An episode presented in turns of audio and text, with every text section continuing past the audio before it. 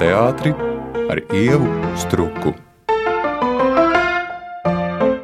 Mans sarunu biedrs raidījumā Šņurbēniņa sezonas izskaņā ir jaunā Rīgas teātras skatuves konstruktors un arī ilgadīgs uzvedumdaļas vadītājs Guntis Konstants. Sveiki, Gunti! Sveiki, Ieva! Prieks tev redzēt tieši tādā noslēdzošā raidījumā, jo man liekas, ka nu, tavs darbs aptver ļoti daudzus aspektus, par kuriem skatītājs, kas ierodas teātrī, ne tikai nezina, viņš pat neiedomājas, ka tā aizkulisku dzīve ir tik eh, visaptvaroša, dažāda un patiesībā arī sarežģīta. Tieši nesen domāju par Pēteru Petersonu. Un viņš par skatu ir teicis, ka principā neko jau daudz nevajag. Divi buki, divi dēļi un tad aktieši uz tās skatuves. Protams, ka mēs runājam uh, lielā mērā par jauno Rīgas teātri, kurš šobrīd ir ārpus savām mājām. Tās mājas tiek restaurētas, notiks atgriešanās jaunā, cerams, ideālā teātrī. Varbūt tādēļ šai kontekstā ir tas jautājums tev ar ļoti lielu pieredzi teātrī, kas tev ir ideālā skatuve? Šausmīgi plašs e, jautājums, jo es domāju, tādas ideālās skatuves vispār nav. Jo katram režisoram, kad viņš nāk, katram scenogrāfam, arī aktieriem, viņiem ir savs skatuve. Arī tehniskajiem, kas apkalpo izrādi. Es neteikšu, ka vienmēr visi redz vienādi. Pat vienu iestudējumu robežās viņi katrs redz kaut ko citu teiksim, tā, es skatos izrādi, man ir svarīgi tas, lai dekorācija, tas noformējums, lai viņš nedzīvo savu dzīvi. Man ir svarīgi, ka visa izrāde ir vienā elpā, vienā domā. Un tad ir pilnīgi vienalga, vai tur ir divi krēsli skatuves, vai tur ir uh, milzīga grezna pilsēta. Ja tas viss ir pakļauts vienai domai un vienai vajadzībai, tad ir sasniegts tas ideāls kā Pīters Bruks arī ļoti daudz taisīja, var teikt, uz tukšām skatuvēm izrādes vai minimāliem līdzekļiem. Ja mēs runājam par to pašu Pēteru Petersonu, tad viena no tām izrādēm, kas man ir palikusi jau no jaunības atmiņā, ir spēlē Spēlmani jaunatnes teātrī, kur arī faktiski, kas bija četras gultiņas, kaut kāda vēl pāris palīgi līdzekļi, bet iespējas bija, ka tā skatuve tukša ar vienu centrālo stabu. Un tajā izrādē fantastiski, kā šī skatuve dzīvoja, šī telpa kā dzīvoja. To ir ļoti grūti iedomāties tiem, kas to redzējuši. Ja. Bet tie, kas ir redzējuši, noteikti atcerās, cik tā bija fantastiska izrāde. Tev darbā sanāk satikties ar ļoti dažādiem scenogrāfiem, dažādu izpratni par to, kas ir Jā. piemērota telpa. Vai tev bieži sanāk teikt, nē, šo nevar īstenot, tas nebūs iespējams, ja tas pirmais ir, ir jāmēģina, un tad redz? Nu, arī mūsu scenogrāfi, kas ir pabraukājuši bijis pāzemēm, paskatījušies, kā tur notiek lielos teātros, kur, protams, ir pilnīgi cita līmeņa skatuves tehnika pilnīgi cita līmeņa tehniskā darba organizācija. Viņi grib to automātiski, neskatoties to, ka mums teiksim, nav tur 53 štanketes, mums ir 3 jau skatuves. Viņi grib tieši to pašu. Nu, tad, protams, ir lietas, ko tīri racionāli vai drošības apsvērumu dēļ vai kādu konstruktīvu neiespējamību dēļ nāks noraidīt. Bet nav tā, ka nu, mēs uzreiz teiktu kategoriski nē. Mēs sakām šim realizācijas paņēmienam, nē. Faktiski tas ir rosinājums scenogrāfam domāt, kā tad to pašu efektu panākt. Jo man ir interesanti atrisināt eh, tās skatuves konstrukcijas tādā veidā, lai viņas maksimāli būtu tuvu tai scenogrāfa idejai. Jo kādreiz viens otrs mākslinieks saka, es gribu, lai to taisa šitā, šitā, šitā. Ne tā vienmēr sanāk. Tu vari viņu uztaisīt ar citiem paņēmieniem. Ja? Bet uh, svarīgi ir tas, lai to viņa iedomāto tēlu, pat ja man viņš nepatīk, bet es saprotu, ka cilvēks tomēr ir domājis, strādājis, ka tur ir kaut kāda sistēma, pat ja es viņu neuztveru šī brīdī. Ja? Skaidrs, ka viņu vajag realizēt. Un tad iet procesā visādi, protams. Mēs arī klūpam un ķeramies, un tad kopīgi risinām, kā ko izdarīt. Ja? Bet, nu, es neatceros tādu brīdi, ka mēs kaut ko nebūtu izdarījuši.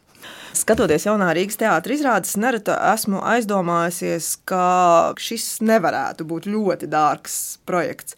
Un dažreiz, savukārt, citos teātros, tur redzi, ka nu, tur ir ieguldīti milzīgi līdzekļi, un varbūt tas mākslinieckais rezultāts nav tik liels. Cik lielā mērā tu saredzi pats savus vai nopelnus vai pienākumu to atrisināt, lai ir it kā šķietami vienkārši, bet ļoti kvalitatīvi? Saprotot, dārdzības vīzija, es domāju, ka to tomēr ieliek scenogrāfs. Vai viņš taisa apzeltītas karnīzes, vai tās ir tādas ļoti robustas lietas uz skatuves. Ja? Nu, to nosaka viņš.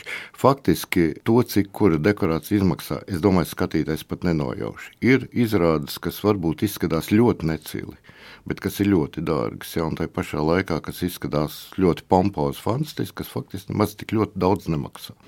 Tad man ir jautājums, varbūt var mazliet pavērt to priekškaru, kas tad principā ir tas, kas vai nu ļoti sadārdzina vai palētina izmaksas? Pirmkārt, materiāla izvēle, jo nu, šobrīd nav noslēpums, kas notiek ar koku materiāliem, ar metālu un citiem materiāliem, ko arī lietos skatuves konstrukcijās tas cenu kāpums ir vienkārši nenormāls. Un uztaisīt izrādi par tādu pašu cenu šodien, kāda bija vakar, fiziski vairs nav iespējams. Tas ir jāizmirst. Bet man nekad pašam nav interesējušas scenogrāfijas, kur es redzu, ka viņas ir dārgas. Man vienmēr ir interesējis tas, lai viņi būtu atrisināti ar kādu asprātību. Un asprātība parasti ir lēta tad notiek tas teātris brīnums. Jo, ja es redzu, ka tas ir tikai dārgi un salikts viss kaut kas, un reizes pat īsti nav zinājis, ko to visu darīt, ja, nu, tad paliek tā skumji. Bija tas brīdis, kad bija lielā krīze pēc 8. gada, tieši kad es ienācu jaunajā Rīgas teātrī. Kad mēs zinām, uz lētumu, uz lētumu, uz lētumu. Tā tā pa zilā kalna marta, piemēram, ja šī fantastiska, vienkāršā scenogrāfija, es varu pateikt, viņi izmaksāja zem 400 latiem. Es domāju, ka jebkurš teātris mm. direktors šobrīd nojaušās, jo mēs maksājam tūkstošus par scenogrāfiju. Tie bija 400 lati. Runāt par jauno Rīgas teātru, man, manā atmiņā tāds favorīts starp viesaktieriem, sauksim tā, noteikti ir tā ēzeļu meitenīte. Jā, Lilī. Jā, Lilī kas tev ir, nu, es nedomāju tikai dzīvnieku ziņā, bet neprastākais, ko ir bijis pienākums aizvest līdz skatuvēi, sagādāt, nodrošināt, atrast, eh, lai es kā skatītājs to ieraugu. Nu, pārdomājot jaunā Rīgas teātra izrādes, liekas, nu, Ezelīte bija brīnišķīga. Ezelīte bija brīnišķīga, ka viņi varēja nodzīvot savu skatuves mūžu arī jau vecumā, kad vairs nevar darīt citus darbiņus. Un viņi bija tiešām ļoti jauki. Bet mums ir bijuši daudz dzīvnieku. Kaķis ir bijis stikla zvērnīcā, vistas revidentā. Ja? Es domāju, varbūt no nedzīvās pasaules, bet jā, jā, tas tiešām ir kaut kas tāds, ka tev pirmajā brīdī liekas, ka šit to nevarēs. Katrā ziņā, ko es pats saku, tas ir mans konstruēšanas diplomdarbs. Tā ir izrāda Brodskas Barišņikovs jo tā bija izrāde, kas bija skaidrs, ka viņi braukās. Viņi braukās ne tikai šeit pa Latviju, kas arī nenotika, bet viņi braukās pārzemēm, un viena no šīm vietām, kas obligāti bija jāparedz, bija Berišņiko mākslas centrs Ņujorkā kur bija diezgan daudz ierobežojumu. Pirmkārt, Ņujorkā jau ar transporta ierobežojumiem, ka nevar ar jūras konteineru, ar ko mēs vedam to dekorāciju līdz Amerikai, nevarēs arī nogādāt līdz Brišņiko centram, būs jāpārkrauj. Tālāk nāca lifta gabarīti, eju gabarīti, nu, ļoti, ļoti daudzi parametri, ja, kas bija jāņem vērā. Bet nu, dekorācijas proporcijas bija visiem šiem gabarītiem pa lielu. Ja visur citur mēs vēl spētu, ja, tad šeit nē. Otrs, protams, bija arī šī sakraušana jūras konteinerā pietiekami blīvā, lai varētu pārvadāt šīs dekorācijas, neko nesaplēšot. Rezultāts bija tāds, man bija ļoti priecīgi dzirdēt, ka Ņujorkas Brišņikovu mākslas centra tehniskā direktore brigāde bija vienkārši stāvējuši izplastām acīm, skatījušies, kā mūsu puiši saliek pāris stundās šo dekorāciju. Tā dekorācija nav nevienas skrūves. Nu, eņģis tur ir gan jumta daļā, ja? bet cilvēka auguma apjomā nav nekādu eņģi, nekādu stiprinājumu. Viņš saliekās kā LEGO. Bet tas bija šausmīgi interesanti. To risināt, protams, un bija laime, ka tam bija laika.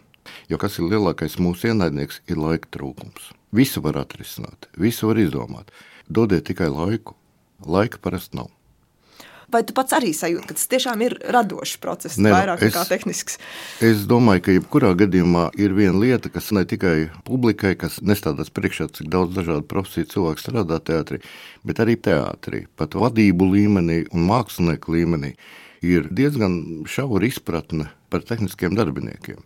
Ka faktiski arī šie cilvēki visi ir radošas personas jo neradoši to darīt nav iespējams. Mehāniski, jā, protams, var nozāģēt dēli, ja, bet tur ir ļoti daudz e, šajā procesā, kas nav pateikts priekšā, kas tev pašam ir jādomā. Ja. Vai tā, vai tā, vai tā, tev ir jāizšķirās. Un tas faktiski ir radošs darbs. Klausoties tevī, sapratu, kādā ziņā tas ir ļoti līdzīgi režisora darbam, jo režisors redz lūgu, un tad viņš viņu preparē. Sākot no tā, ka ainas, beidzot ar to, kāda ir varoņa teiksim, domāšana vai darbības līnija katrā konkrētajā punktā. Un ka konstruktoram jau būtībā ir ārkārtīgi līdzīgi. Tu ieraugi scenogrāfa piedāvāto vīziju, tu ieraugi maketu, un tu jau nevari viņu pārnest viens pret viens uz skatuves. Tev principā viņš ir galvā vai uz papīra jāizjauc līdz vissīkākām daļņām, un tad jāspēj vēl vienreiz uzbūvēt no jauna, lai tas nonāktu līdz skatuvei. Nu jā, jo tu pareizi saki, es ieraugu maketu. Vispār tā ir liela laime, jo mūsdienās jau maketas vairs mākslinieki ļoti nemīl taisīt mēdz aprobežoties arī ar pāris skicītēm, ar zīmolu vieglu uz papīra uzmestām. Jā, bet jāsaprot tas, ka mākslinieks vai tas, kurš skaitās mākslinieks, scenogrāfs šai izrādē, jo bieži vien šo funkciju izpilda gan režisori, gan citi cilvēki, viņš iedod tikai apvalciņu tā ir ādiņa. Tas ķermenīts jāpiepilda kaut ko. Viņai jāieliek orgāni, ja kaula sistēma, jāpaudzē ar miesu, ja, lai tā čauliņa publikai būtu tāda, kā mākslinieks ir iztēlojies. Un, protams, vēl jārēķinās ar to, ka, ja tur ir durtiņas, tad viņām jāvarās uz kuru pusi pie tam, vai uz abām, vai uz vienu konkrēti. Ja tur ir vēl kaut kāda elementa, viņiem arī ir jāfunkcionē atbilstoši. Un tā tālāk. Nu, es nevaru, tā kā man iedod skici, uzreiz sākt datorā kaut ko ņemt ar peli un švīkāt, tagad, nu, zīmēt līnijas. Ja? Pilnīgi bezjēdzīgi. Jo man ir vajadzīgs viens periods, kad es sadzīvoju visu šo Un, ja es viņu neesmu galvā izdomājis, tad man ir bezjēdzīgi kaut ko mēģināt zīmēt, jo tur nekas nebūs, izņemot kaut kādus klucīšus, kuriem nebūs nekādas nozīmes. Jo man jau jādomā ne tikai par to, vai viņš ies liftā, šis gabals, bet man ir jādomā arī par to, vai divi cilvēki varēs viņu pacelt un panest, ja? un vai viņi neapgāzīs vai nesabojās man citas dekorācijas. Tas, ko es teicu par šo pārjūras braucienu, tas jau ir aktuāli šeit uz vietas arī vieta kur novietot dekorāciju. Jo tad, kad viņi nav uz skatuves, lai viņi būtu cik apjomīgi, ja, man viņi ir, kā jau saka, jāreizina plaknēs, lai es viņu varētu kompakti savietot, novietot. Lai nebūtu jāved eh, kaut kur kilometriem tālu, jāmeklē kāds cits noliktavs, jo teātris arī nav bezizmēra kaste. Ja. Vietas ierobežotība ir ļoti liela. Un arī jādomā par to, cik ātrā laikā tiks uzbūvēts, nobūvēts ļoti daudz lietas, par ko jādomā. Un tagad tas viss saslēdzās, tad brīdī tu vari sākt kaut ko darīt un zīmēt. Varbūt es pat uzrādu kādu konstrukciju, kur pēc tam izmet laukā. Ja? Nu, es saprotu, man ir jānokļūdās. Vienreiz jāsaprot, ka tas nebija pareizi, bet tas ir ceļš, lai es atrastu to, kā ir pareizi. Es domāju, ka to daudz nesaprot. Man ir vajadzīgs šis periods, un ne tikai man, ja tas ir visiem, kas strādā pie izrādes sagatavošanas, kad mēs apjēdzam vispār, ko mēs darīsim un kā darīsim. Un tikai tad sāksim rokas kustināt. Vai modernās tehnoloģijas šobrīd uh, atrisina daudzas lietas tieši tajā telpiskajā iztēlē? Runa tomēr ir par to, ka, ka tev skolā padevās telpiskā geometrija. Šobrīd, protams, daudz kas notiek uh, datorā. Jā, tas ir šī laika kaut kāds iegūms. Protams, ka tas ir izdevīgāk. Kaut arī šos telpiskos modeļus ir iespējams saglabāt, aizsūtīt e-pastā, lai apskatās, izpēta. Tas ir paņēmiens. Pēc būtības jau tā pati rasēšana, ja tā prasti jāsaka, ja, tas pats jau vien ir tikai pacelt eh, kaut kādā nu, mūsdienīgākā līmenī. Bet ideja jau no tā nemainās. Nu, man vispirms galvā tas mājas darbs jāizdara. Un tad ir vienalga, vai es zīmēju ar roku uz papīra, vai es zīmēju ar peldatorā. Starpības vairs nav. Tad primāri tomēr ir runa par iztēli. Protams, protams. Mm. Nu, teātris jau vispār ir tāda liela iedomāta pasaule, jau iztēlota pasaule, kura liek noticēt, ka viņa ir īsta. Ja. Un es domāju, ka šeit visiem, visiem, kas piedalās šajā procesā, ir jābūt labu iztēli. Nu, katrs scenogrāfs, kurš nāk, viņš, protams, grib, lai rada no nulles, un tieši šai izrādē, un tas ir mākslinieciski saprotami. Bet kā ir ar kaut kādām migrējošām detaļām, vai tu, kā cilvēks, kurš ilgi strādā teātrī, vari nākt tālāk un kaut ko arī no esošā pielāgot? Un, ja tu to pielāgo, kā ir tad, ja ir daudz vecu izrāžu repertuārā, vai tu to pēc tam dabū arī tur atpakaļ? Jo nereti tomēr ir tā, ka, nu, ja ir izrāde norakstīta, tad kaut ko saglabā saimniecībā un to izmanto. Bet jaunā Rīgas teātrī tās izrādes ir ar ļoti gariem mūžiem, vai, vai ir kaut kādas migrējošās detaļas? Zin, tas ir ļoti patīkams iespējas no tavas puses, ka mums viss izrāda dzīvo ilgu mūžu. Tā faktiski nav. Es vēl nu pat paskatījos, ka Tādi ilgdzīvotāji, kas mums bija latviešu mīlestība šobrīd, nezinu, kā tur attīstīsies tālāk, ja? kopš ģits ir aizgājis. Ir pāris izrādes, jā, kas ir ilgdzīvotājs, bet lielākā daļa tomēr tādas nav. Ir arī viendienītas. Neviens pat nav ievērojis, ka viņas mums ir repertuārā pabijušas. Protams, vienmēr iestājas jautājums par to, ja mēs gribam izmantot kādu elementu, kas ir ar konkrētās izrādes scenogrāfa māksliniecisko vērtību. Jā, mums ir bijuši tādi gadījumi, kad mēs uh, lūdzam scenogrāfam, vai drīkst izmantot. Es zinu, ka Anzim Freibergam tika jautāts, man liekas, par palmas zariem no kameras zāles, bet kurai izrādē Mēnesis laukiem, Mēnesis es laukiem, jā. mhm. Bet es nepateikšu, kurai izrādē. Nu, ļoti daudz, kas par šiem gadiem bijis, visu grūti pateikt. Bet ir arī kādreiz, ka atnāk scenogrāfs, saka, o, manā tādā izrādē bija tāds elements, es viņu gribētu tagad arī šī. Jā, ok, tu esi pats autors. Ja mums ir saglabāta šī lietiņa, kāpēc ne? Tā kā faktiski tas ierobežojušais ir tiešām nu, tas autorības jautājums, ja, lai tā rupi neizmantot vienu mākslinieku eh, darbu citām mākslinieka iestudējumā. Ja. Praktiski, jā, ja, ja šī dekorācija saglabāta, kāpēc viņa neizmantot? Tas arī ir racionāli. Jo ļoti daudz izrādes, kuras ir domāts, ka varbūt viņi kādreiz vēl būs repertuārā, nu viņas tā arī, godīgi sakot, satrūtenīs noliktavās. Mums ir arī tā papildus noliktava, kur nav labi glabāšanas apstākļi. Nu, Diemžēl, diemžēl katru gadu nāks izravidēt, un to, kas vairs nav dzīves, mest laukā. Šņurbēniņi par teātri ar ievu struku. Mans viesis, jaunā Rīgas teātris, skatuves konstruktors Guntis Konstants. Teātris par ļoti īpatnēju tomēr, darba vieta. Ir cilvēki, kuri strādā tiešām gadiem, un tad ir, protams, tā mainīgā daļa, kas atnāk, saprot, ka tas nav viņiem domāts un tā. Un tajā pašā laikā es pēkšņi aizdomājos par šādu lietu, ka tu ienāc teātrī, teiksim, darīt kaut kādu tehnisku darbu. Un tev ir vesels lērums ar leksiku, kur nu, ikdienā normāli cilvēki nelieto, nelieto. Bet, lai tu saprastu, ka tev ir, piemēram, nezinu, jānovieto kaut kas pie rampas, tev ir jāzina, ka tā ir rampa. Kāds ir tavs vērojums šai situācijā? Cik vispār tie cilvēki, kuri sauksim viņus par garām gājējiem, kuri nonāk varbūt nejaušības dēļ un nepaliek, kā ir ar to leksiku? Viņi ir milzīgs daudzums, kas tādam cilvēkiem ir jāapgūst. Nu, šņurbēniņi, par kuriem mēs vēl runāsim, vai rampa, vai stangas, vai tilti. Spreises. Jā, tas nav tilts pār Daugavu, un pēkšņi tev ir jāsaprot, kas vispār ir tilts, ko tur var darīt. Es domāju, ka tas nav tikai tiem saka, garām gājējiem. Tas ir jebkuram cilvēkam, kurš ienāk teātrī, nu, kā jebkurā citā eh, darba vietā, specifiskā viņam ir šī leksika jāapgūst.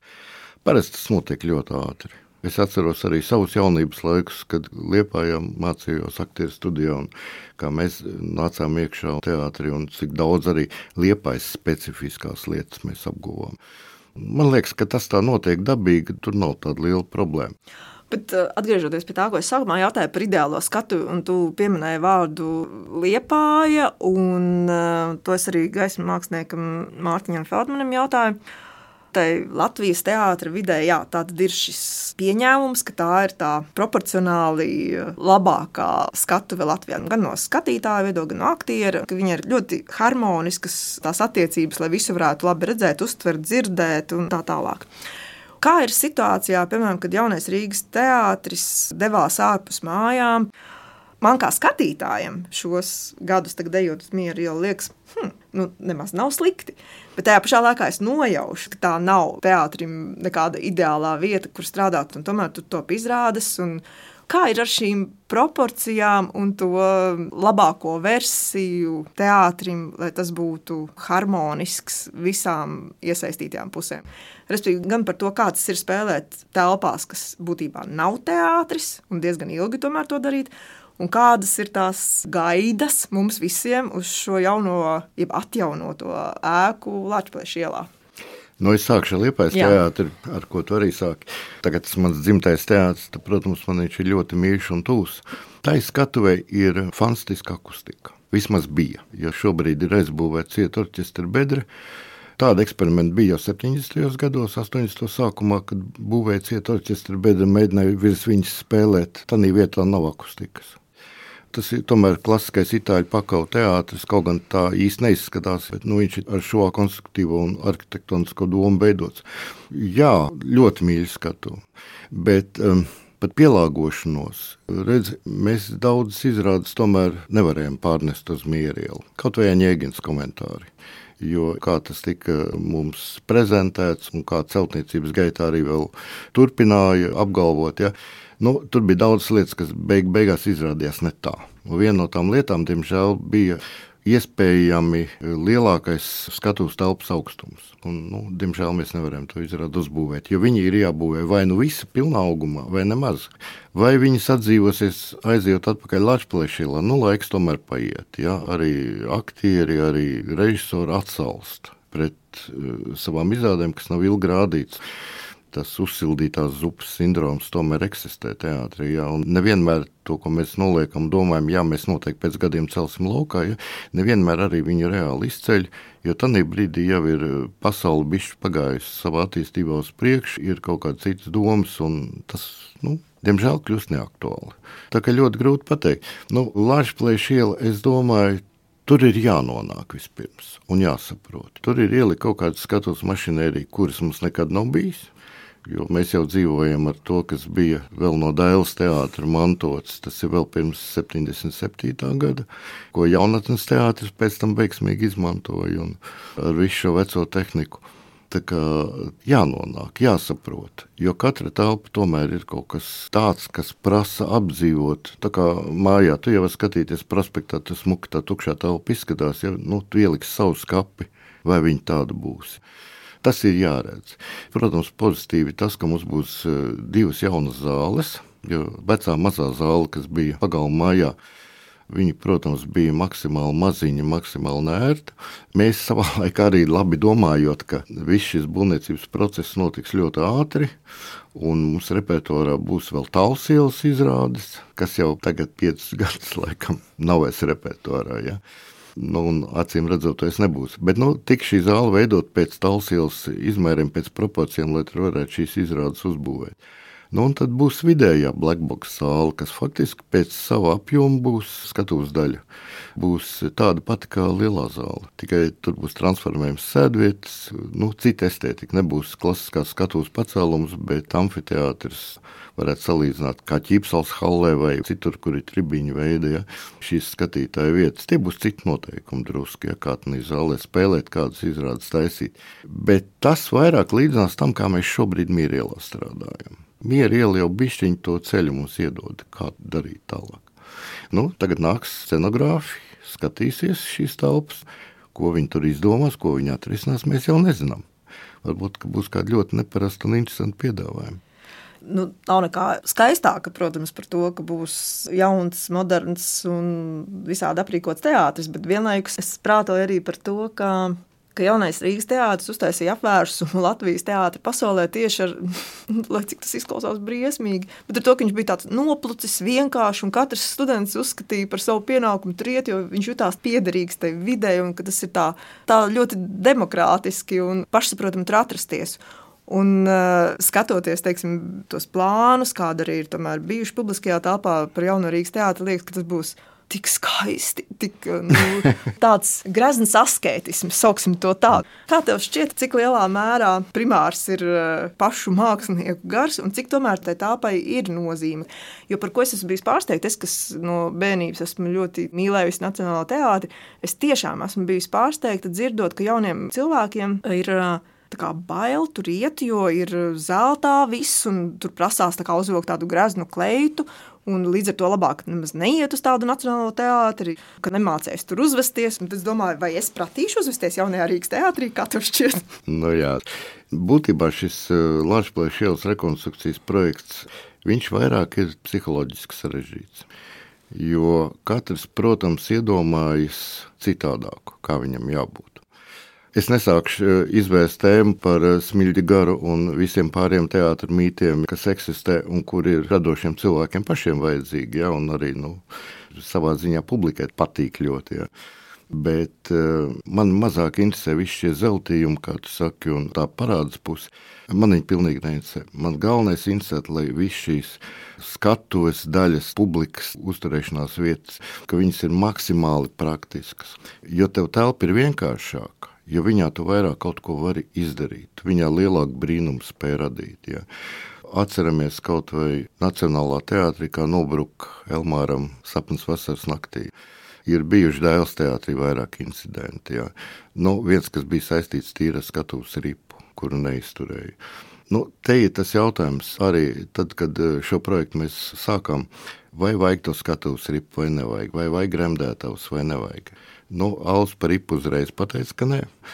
Es teiktu tā, ka jo mēs uztaisām vairāk kaut kādas tehnikas, specifiskas tikai šai vietai, tad jāsaprot, ka šī izrāde arī nekur citur nevar tikt parādīta pilnvērtīgi. Nu, savā laikā, kad Liepai bija un Valmiera bija divi ceļojošie teātri, ja.